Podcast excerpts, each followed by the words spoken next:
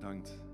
We hadden even een kleine technische storing, maar er zijn wel ergere dingen in het leven. En ik vind het een compliment waard naar het team dat ze gewoon lekker door blijven gaan, lekker door blijven spelen. Zullen we ze even een applausje geven? Ja. Fijn, fijn dat je bent ingetuned, ingehaakt, hoe je het ook wil zeggen, ingelogd. Vandaag gaan we het hebben over het thema hoe diep ben je geworteld? Een heel belangrijke vraag. Hoe diep liggen je wortels? We weten allemaal dat de duurzaamheid van bomen of planten niet gelegen is aan het volume of de grootte, maar aan de diepte en de sterkte van de wortels.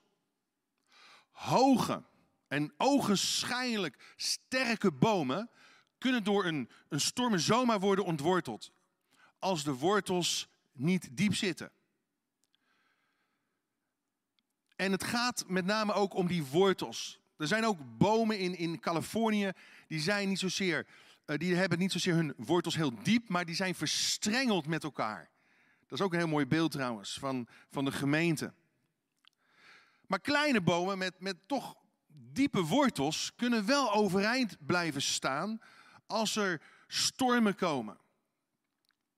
En deze les uit de natuur geldt ook voor ons geestelijk leven, voor jou en mijn geestelijk leven, mijn relatie met God. Hoe dieper we geworteld zijn in onze relatie met God, des te moeilijker kunnen de stormen in het leven ons uit het veld slaan. We kunnen takken kwijtraken. We kunnen bladeren kwijtraken. Maar we blijven geworteld in Hem. Zo zegt Paulus in Colossense 2, vers 6, lees u mee. Volg de weg van Christus, Jezus, nu u Hem als Heer aanvaard hebt. Blijf in Hem geworteld en gegrondvest. Houd vast aan het geloof.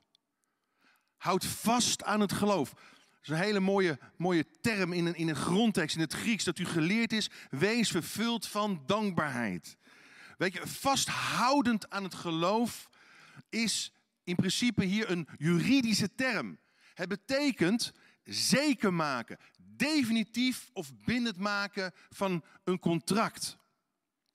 En zo hebben wij als het ware een contract met God. We zijn met Hem verbonden, we zijn in Hem geworteld. En daarom mogen we vervuld zijn met dankzegging. Oftewel, we mogen overvloeien van dankzegging. En dat is een enorme kracht in ons leven. Het is ook een van de meest wezenlijke uitingen van geloof. Dat mogen we uiten in lofprijs en in aanbidding. Maar hoe schiet je wortel? Hoe word je geplant? Eigenlijk heel eenvoudig. Door het aannemen en het horen van het woord van Christus. Daardoor ontstaat geloof. En gaan wortels in je leven groeien. Het woord van God is het zaad, oftewel het instrument. En tegelijkertijd de voeding, het middel die nodig is om wortel te schieten in je geestelijk leven. Door het woord van God spreekt God tot ons. En door de hele Bijbel heen lees je en God zei. Zodat je natuurlijk in de gaten krijgt dat God een sprekende God is. God spreekt om in relatie met ons te komen. Er is geen relatie mogelijk zonder communicatie. Toch wordt er vaak op verschillende golflengtes gecommuniceerd. Als, als mijn vrouw Angelique tot mij spreekt, kan het zijn dat ik haar niet helemaal altijd goed begrijp. Alsof ze een andere taal spreekt. Ik weet niet of bepaalde mannen dat herkennen, maar dan zegt ze zo, dan gaat ze zitten. Ik weet niet hoor. Ik weet niet. Dan kijk eraan. Wat? Wat weet je niet? Hoe zal ik het zeggen? Hoe zal ik het zeggen? Dat kijk. Zeg het maar. Um, ja, ik, ik word er eigenlijk best wel moe van. Waarvan? Nou, het zit zo. Ja, hoe zal ik het uitleggen? En terwijl ik maar zit te wachten van kom nou eens to the point, zit zij te wachten tot ik een arm om haar heen sla en zeg schat, vertel maar, lucht je hart maar. Weet je, twee verschillende planeten, twee verschillende golflengtes. Ik weet niet of je dat herkent. En hoeveel te meer is het voor ons mensen moeilijk om God te verstaan om op de juiste golflengte met Gods stem en Gods woord te komen te staan. Om heel eerlijk te zijn, sta ik soms wat huiverig tegenover mensen die de hele dag van alles en nog, nog wat doorkrijgen van de Heer. Ik weet niet of je dat soort mensen kent. Van de Heer moest ik geen, geen pasta koken, maar een pizza bestellen. Ik moest niet links afslaan, maar ik moest rechts afslaan. En wat nog erger is, dat ze andere mensen gaan vertellen wat Gods wil voor hun leven is, voor die andere mensen is. En het gaan invullen voor anderen. En, en weet je, ze hebben het nooit mis. Ze hebben altijd gelijk. En voor toetsing of correctie van andere mensen staan ze niet of nauwelijks open. Ze doen alsof ze elke dag een soort appje van, van uit de hemel krijgen. Maar de waarheid is deze, laten we eerlijk zijn. Tenminste, dat geldt wel voor mij. Meestal is het een zoektocht om, om, om te proberen te verstaan wat God wil. Het is voor ons allemaal een trachten te verstaan, zoals Paulus dat zegt. Een ontdekkingsreis om Gods stem dagelijks te verstaan in je leven. Toch zijn er natuurlijk ook best momenten. En die kunnen er zeker zijn dat je heel zeker weet, dit is van God. Nu heeft God gesproken. Dit is duidelijk. Dan is er geen twijfel meer. Dan, dan is er geen waas of geen mist meer. Geen verwarring, geen ruis op de lijn. Alleen je moet wel natuurlijk ingetuned zijn op de juiste frequentie. Als je God wil horen spreken. En Jezus zei, als je oren hebt, luister dan God goed. Als je oren hebt om te horen, hoor, luister. Hij benadrukt dat elke keer weer in zijn onderwijs. Want God spreekt vooral door zijn woord tot ons. En zijn woord is onze leidraad. Aan, aan zijn woord zouden we eigenlijk alles moeten toetsen. Maar hoe ontvangen we zijn woord? Ik heb wel eens heel erg geworsteld met, met die teksten uit het Oude Testament. Dat God zijn woord niet, niet zomaar zendt en dat zijn woord niet zomaar ledig terugkeert. En ik dacht van, hoe kan het nou? Ik preek al meer dan 30 jaar en ik heb van alles gezien. Ook door de prediking heen. Omdat het woord van God krachtig en levend is. Maar toch lijkt het wel alsof het wel ledig terugkeert. Ligt het dan aan het woord? Ligt het dan aan mij? Waar, waar ligt het nou aan? Hoe kan dat nou? En het heeft met het volgende te maken. Hoe ontvangen we zijn woord? Hoe diep ik wortel schiet, hoe diep ik mijn wortels heb liggen, hangt grotendeels af van de grondhouding van mijn hart. Dus hoe kan ik ervoor zorgen, lees mee, dat ik wortels schiet? Allereerst ontwikkel een open hart voor Gods woord. Een open hart. Ik moet open en ontvankelijk zijn om naar God te luisteren. Laten we uit Lucas 8, vers 5 lezen en daarna vers 12, die vers 5 uitlegt. We lezen daar het volgende, een gelijkenis van de Heer Jezus. Een boer ging naar zijn land om graan te zaaien. En bij het uitstrooien viel wat zaad op een pad waar het werd vertrapt. De vogels kwamen het oppikken. En dan staat er later de uitleg: het zaad op de weg, dat zijn zij die geluisterd hebben. Maar daarna komt de duivel en, en, en hij, hij graait het woord, hij rooft, hij graait het woord uit hun hart. Om te voorkomen dat ze worden gered door te geloven, door te vertrouwen. Nou, in die tijd is het zo dat elk korenveld had een voetpad. Er liep een voetpad door elke korenveld, waarlangs de zaaiers konden lopen om het zaad uit te zaaien. Maar ook de reizigers vaak doorheen liepen. En het pad vertelt ons twee dingen. Een voetpad kon verhard zijn en het kon heel smal zijn. En dat is een beeld van de conditie van ons hart. Het woord kan dan geen wortel schieten als het op dat harde of verharde pad komt. Het heeft geen kans, het heeft geen ruimte om door te dringen. Want onmiddellijk komen de vogels dat zaad oppikken, dat zaad wegroven. En zo is het ook als je hart gesloten is voor God, voor Gods woord, voor Gods stem, voor Gods leiding. Door gebeurtenissen in je leven ben je misschien verhard geraakt. Je sluit je af. Dus lees mee, het harde pad vertegenwoordigt een gesloten levenshouding. En hier zijn drie mogelijke oorzaken voor. Heel kort, het kan te maken hebben met trots in je leven. Ik heb geen God nodig.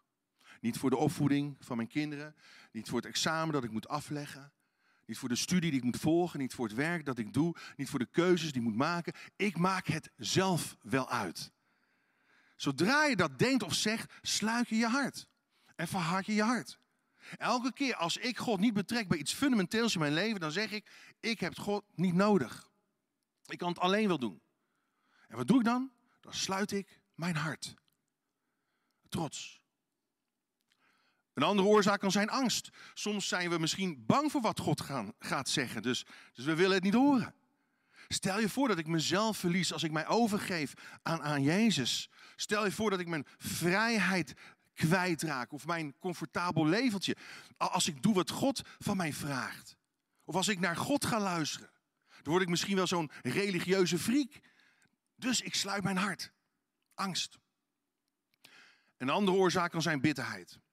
Elke keer wanneer we door iemand gekwetst worden en we gaan dat vasthouden, de gekwetstheid koesteren, dan houden we de wond open. En sluiten we eigenlijk ook ons hart. We sluiten ons af voor Gods stem. En we blijven maar hangen in de vraag: Heer, waarom liet u dat nu toe? Heer, waarom moest dit nu gebeuren? Heer, waarom heeft die persoon dat mij aangedaan of dat tegen mij gezegd? En weet je, zolang je op aarde zult leven, zijn er mensen die je pijn doen. Soms bewust, soms onbewust. Maar wat jij met die pijn doet, is bepalend of je bitter of beter ervan gaat worden. En verbitterde mensen trekken zich terug, laten geen andere mensen meer toe in hun hart, in hun leven en ook God niet uiteindelijk. Ze verharden zich. Maar weet je, als je met pijn, met pijn in je hart van God wegloopt, dan loop je eigenlijk weg van de enige die jou kan genezen, die in jouw pijn kan komen, om je te verbinden. Dus laat geen enkele ervaring of geen enkel mensen een blokkade zijn in je relatie tot God. Weet je, de tragedie van een verhard hart is dat het onvruchtbaar blijft. En op dat pad rooft de duivel het zaad weg in je leven. Ten tweede, hoe kan ik wortels schieten? Ik bestem tijd om te luisteren naar Gods woord. Ik bestem tijd om te luisteren naar het woord van God. En dan zal ik daar wat voor moeten doen. Wat voor over moeten hebben. Ik moet mijn agenda pakken en een tijd als het ware afspreken. En waarom niet? We maken toch ook plannen voor andere zaken in ons leven. We maken vakantieplannen, uh, huwelijksplannen, studieplannen. Dus waarom niet inplannen dat je gewoon tijd met God regelmatig doormaakt? Maak plaats voor God gewoon in je agenda. Van tien tot half, half elf, of van, van twaalf tot half één, of van vijf tot half zes ga ik even me terugtrekken. Ga ik even het bos in, ga ik even wandelen, ga ik even, ik ga me verdiepen in het woord. Geen lawaai, geen gehaast, geen drukte om me heen. Want weet je, de tweede reden dat veel mensen God niet horen spreken in hun leven, is dat ze te haastig door het leven gaan. En we leven in een redrace maatschappij. En alles moet snel en sneller. Zelfs in deze coronaperiode. Dus we schuiven God opzij. We stoppen de Bijbel weg. Het resultaat is dat we Gods stem niet kunnen verstaan. En dit produceert een oppervlakkig leven. Laten we vers 6 en vers 13 lezen van Lucas 8. En Jezus zegt, er viel namelijk ook zaad op ondiepe grond met harde rotsbodem eronder. En het kwam wel op, er was wel resultaat, er was wel impact, maar het verdoorde ook weer vlug, omdat het te weinig vocht kreeg. En dan legt Jezus uit wat hij bedoelt. Het zaad op de rotsachtige bodem, dat zijn zij die het woord vol vreugde aannemen wanneer ze het horen, maar het schiet geen wortel. Ze geloven zolang het hun goed uitkomt. Maar als ze op de proef worden gesteld, worden ze afvallig. In Israël bestaat de grond, ik weet niet of je daar wel eens geweest bent, maar de grond bestaat hoofdzakelijk uit rotsachtige bodem. Hier in Friesland is het klei en natuurlijk heb je in de wouden ook, ook zandgrond. Maar rotsachtige bodem, dat is, dat is eigenlijk de, de hoofdzakelijke grond in Israël. En daarboven bevindt zich een leemachtige oppervlakte van misschien een paar centimeter dik. En het gaat er hier om dat het zaad niet diep genoeg, wel, het schiet wel wortel, maar niet diep genoeg wortel kan schieten. En als dan de felle zon in de zomer schijnt, verdoort het graan. Omdat er geen diepe wortels zijn die het vocht in de grond kunnen opnemen. Nou, lees u mee. De rotsachtige bodem vertegenwoordigt hier een oppervlakkige levenshouding. Een oppervlakkige luisteraar of conditie van het hart. In eerste instantie is de hoorder van het woord wel enthousiast en begint meteen te groeien. Begint, oh, als een, als een speer groeit hij. Maar wanneer het moeilijk wordt, wanneer tegenstand komt, wanneer weerstand komt, wanneer moeilijkheden komen, lastige tijden, verdwijnt hij. Ik, ik heb helaas heel veel mensen gekend die geraakt werden door een dienst, door een lied, door een preek. Maar een tijdje later werd het zaad weggeroofd uit hun hart. En er kwam geen verandering. En ze vielen terug. Er is geen wortel geschoten. En mensen kunnen oppervlakkig op de oude voet verder gaan. Weet je, je kunt heel goed geïnformeerd worden zonder te worden getransformeerd. Je kunt geraakt worden zonder te veranderen. Want er is tijd nodig ook om wortel te schieten. Ik heb veel mensen tot levend geloof zien komen. Vurig in het begin. Maar na verloop van tijd haakten ze af. Ik zal je dit zeggen. Enthousiasme alleen brengt je niet tot aan de finish. Daar is toewijding en volharding voor nodig. Waarom ontwikkelen sommige mensen geen diepe wortels? Omdat ze geen tijd voor God maken in hun leven. Dus besluit, ik ga vanaf nu, misschien begin ik met 10 minuten. Ik ga verder met 15 minuten. Of misschien wel met 30 minuten per dag. Tijd nemen om naar God te luisteren in zijn woord. Je moet tijd beschikbaar maken. Wil je vrucht dragen in je leven? En dan ten derde. Hoe schiet ik diepe wortels in mijn leven? Verwijder de dingen die je van God afleiden. Zodanig afleiden dat ze je misschien wel in beslag gaan nemen. Weet je, vaak zitten onze gedachten met duizend en één dingen vol. Allemaal zorgen, rekeningen die betaald moeten worden, deadlines die behaald moeten worden, verkeerde prioriteiten die ons in beslag kunnen nemen. En God kan daar niet doorheen dringen. Want het woord van God, dat wordt wel gezonden. Dat wordt, maar het wordt afgeketst. Als je bijvoorbeeld een 0900 nummer belt, dan kan het zijn dat je te horen krijgt dat alle lijnen bezet zijn. Heb je dat wel eens? En zo is het ook vaak met ons. God wil contact sluiten, maar de lijn is bij ons bezet. En er zijn nog zoveel wachtenden voor u, Heer. God krijgt een bezettoon te horen. Laten we lezen vers 7 en vers 14. Jezus zegt dit. Ander zaad kwam tussen de dissels terecht. Het verstikte daar, omdat de dissels veel sneller groeiden. En het zaad tussen de dissels valt. Dat zijn zij die wel geluisterd hebben, maar door zorgen en rijkdom en de genoegens van het leven worden ze gaandeweg verstikt, zodat ze geen vrucht dragen. Wat vertegenwoordigt die dorens? Het vertegenwoordigt een in beslag genomen levenshouding in beslag genomen door zorgen, door, door de rijkdom en de lusten van het leven. En het woord van God wordt verstikt. Het wordt benauwd. Het kan niet tot adem komen. Het kan niet tot bloei komen. En dan kom je niet tot je doel. Dan ontstaat er geen geestelijke volwassenheid. Je loopt wel mee, maar er is geen diepte in je leven. Weet je, verwar activiteit niet met productiviteit. Sommige mensen zijn voortdurend in de weer. Maar als je goed kijkt, dan lopen ze in cirkeltjes om zichzelf heen. Ze worden in beslag genomen door een veelheid, een veelheid aan sociale contacten, een veelheid aan activiteiten, maar zonder doel, zonder plan, zonder duidelijk te weten waar ze ten diepste mee bezig zijn. Er is geen focus. Er zijn zoveel dingen die ons kunnen afleiden. En Jezus noemt deze dingen dorens, omdat ze verstikkend zijn voor onze geestelijke ontwikkeling. En er zijn eigenlijk drie verschillende distels of dorens die Jezus beschrijft. Die ons leven kunnen overwoekeren. Allereerst de zorgen. Het was zo mooi, ik wist dat niet van tevoren, dat Lutze ook met die tekst begon. De Bijbelvers Challenge. Wees in geen ding bezorgd. Nou, hoe moeilijk is dat? Hoe moeilijk is dat? Wees in geen ding bezorgd. We kunnen zoveel zorgen hebben. Maar we zijn niet gemaakt om zorgen te hebben.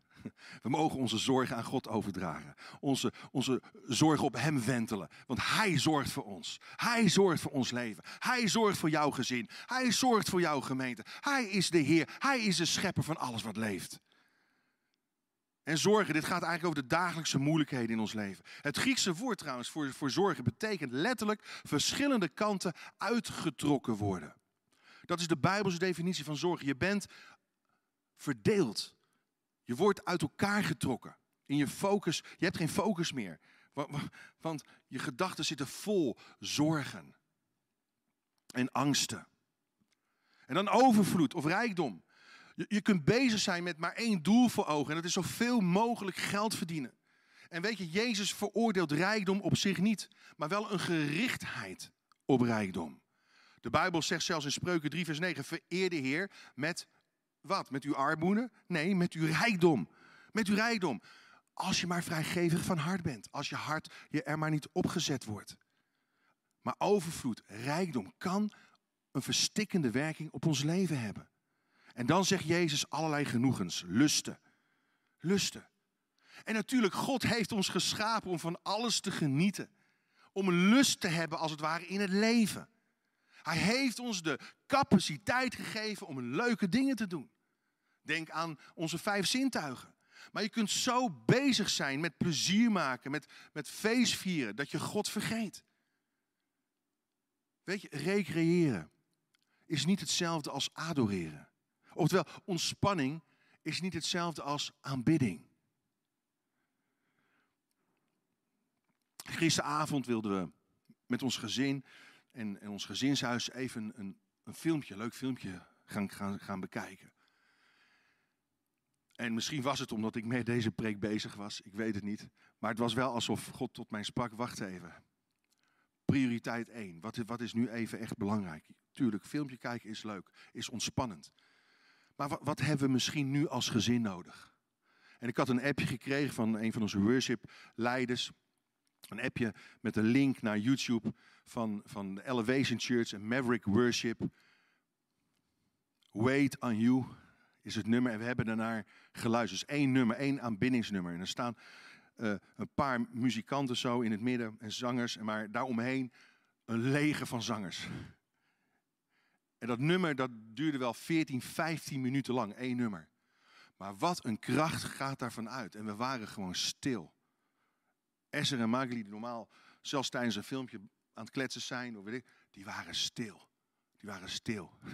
Wauw, wauw. Ontspanning is niet hetzelfde als aanbidding. En we hebben aanbidding nodig in ons leven. We hebben adoratie nodig in ons leven. Momenten van aanbidding. Momenten van bezinning. Daarna hebben we wel een filmpje gekeken. Hoor. Ik ben heel... Ja, ja. Voordeel me niet. Maar het Griekse woord dat hier gebruikt wordt trouwens, is hedonie. Dat is het woord wat wij kennen als hedonisme. Dus genoegens, hedonie, hedonisme. Oftewel de god van het vermaak, de wellust. Nogmaals, het gaat er niet om dat je niet mag genieten. Het gaat erom dat genietingen niet de nummer één van je leven worden. Waardoor God buiten boord wordt gezet. Dus wat is een doorn? Wat, wat is een, een distel? Dat is onkruid. Onkruid. Hoe moeilijk is het om onkruid te laten groeien in je tuin? Volgens mij hoef je daar helemaal niks voor te doen.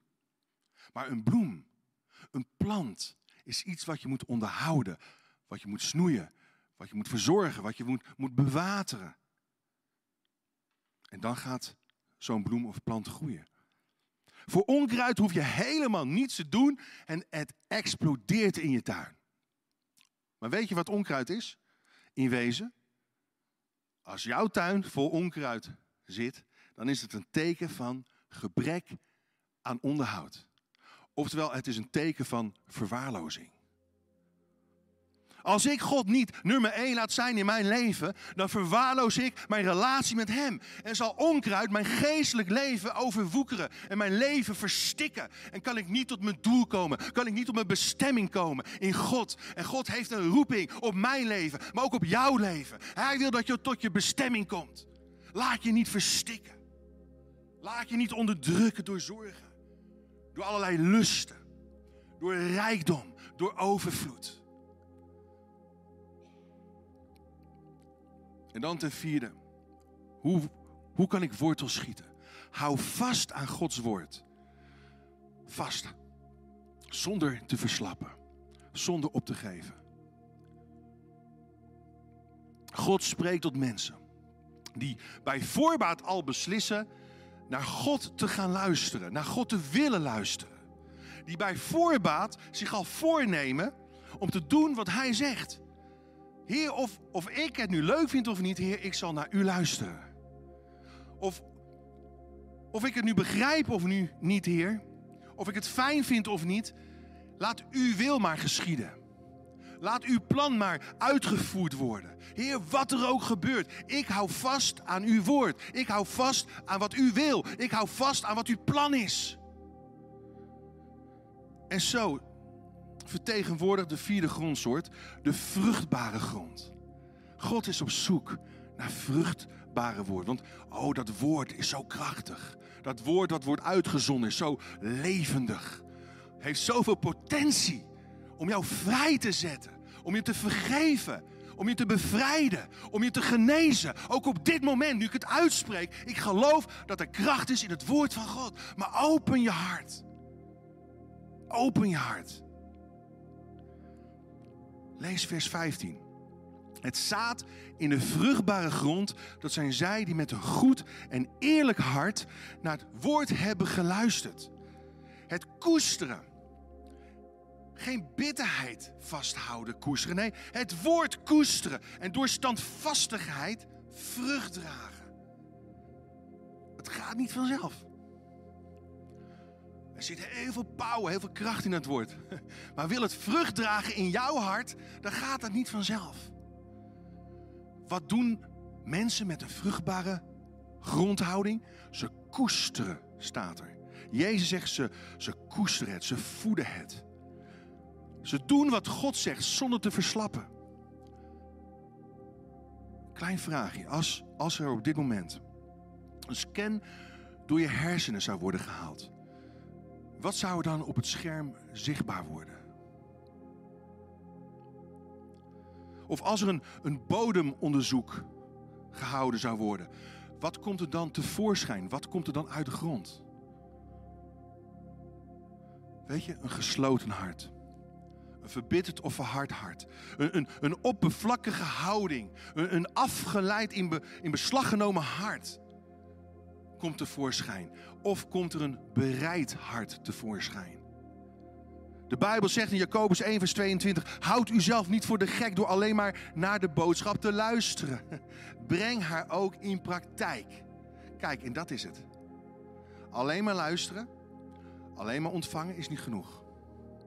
Er zit zoveel potentie in wat je hebt gehoord, maar jij moet het gaan toepassen. Jij moet het gaan doen. Dat gaat God niet voor jou doen.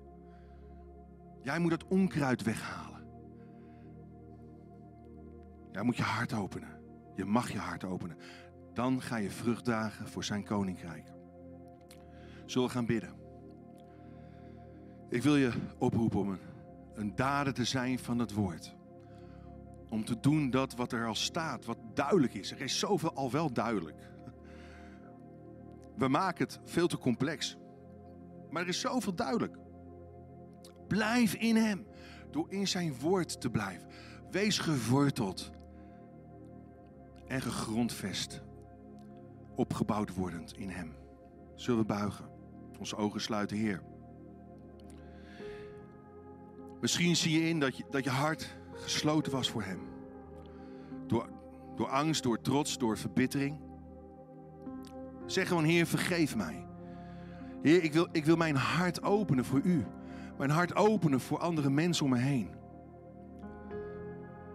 Ik wil mijn hart openen voor uw woord, voor uw stem.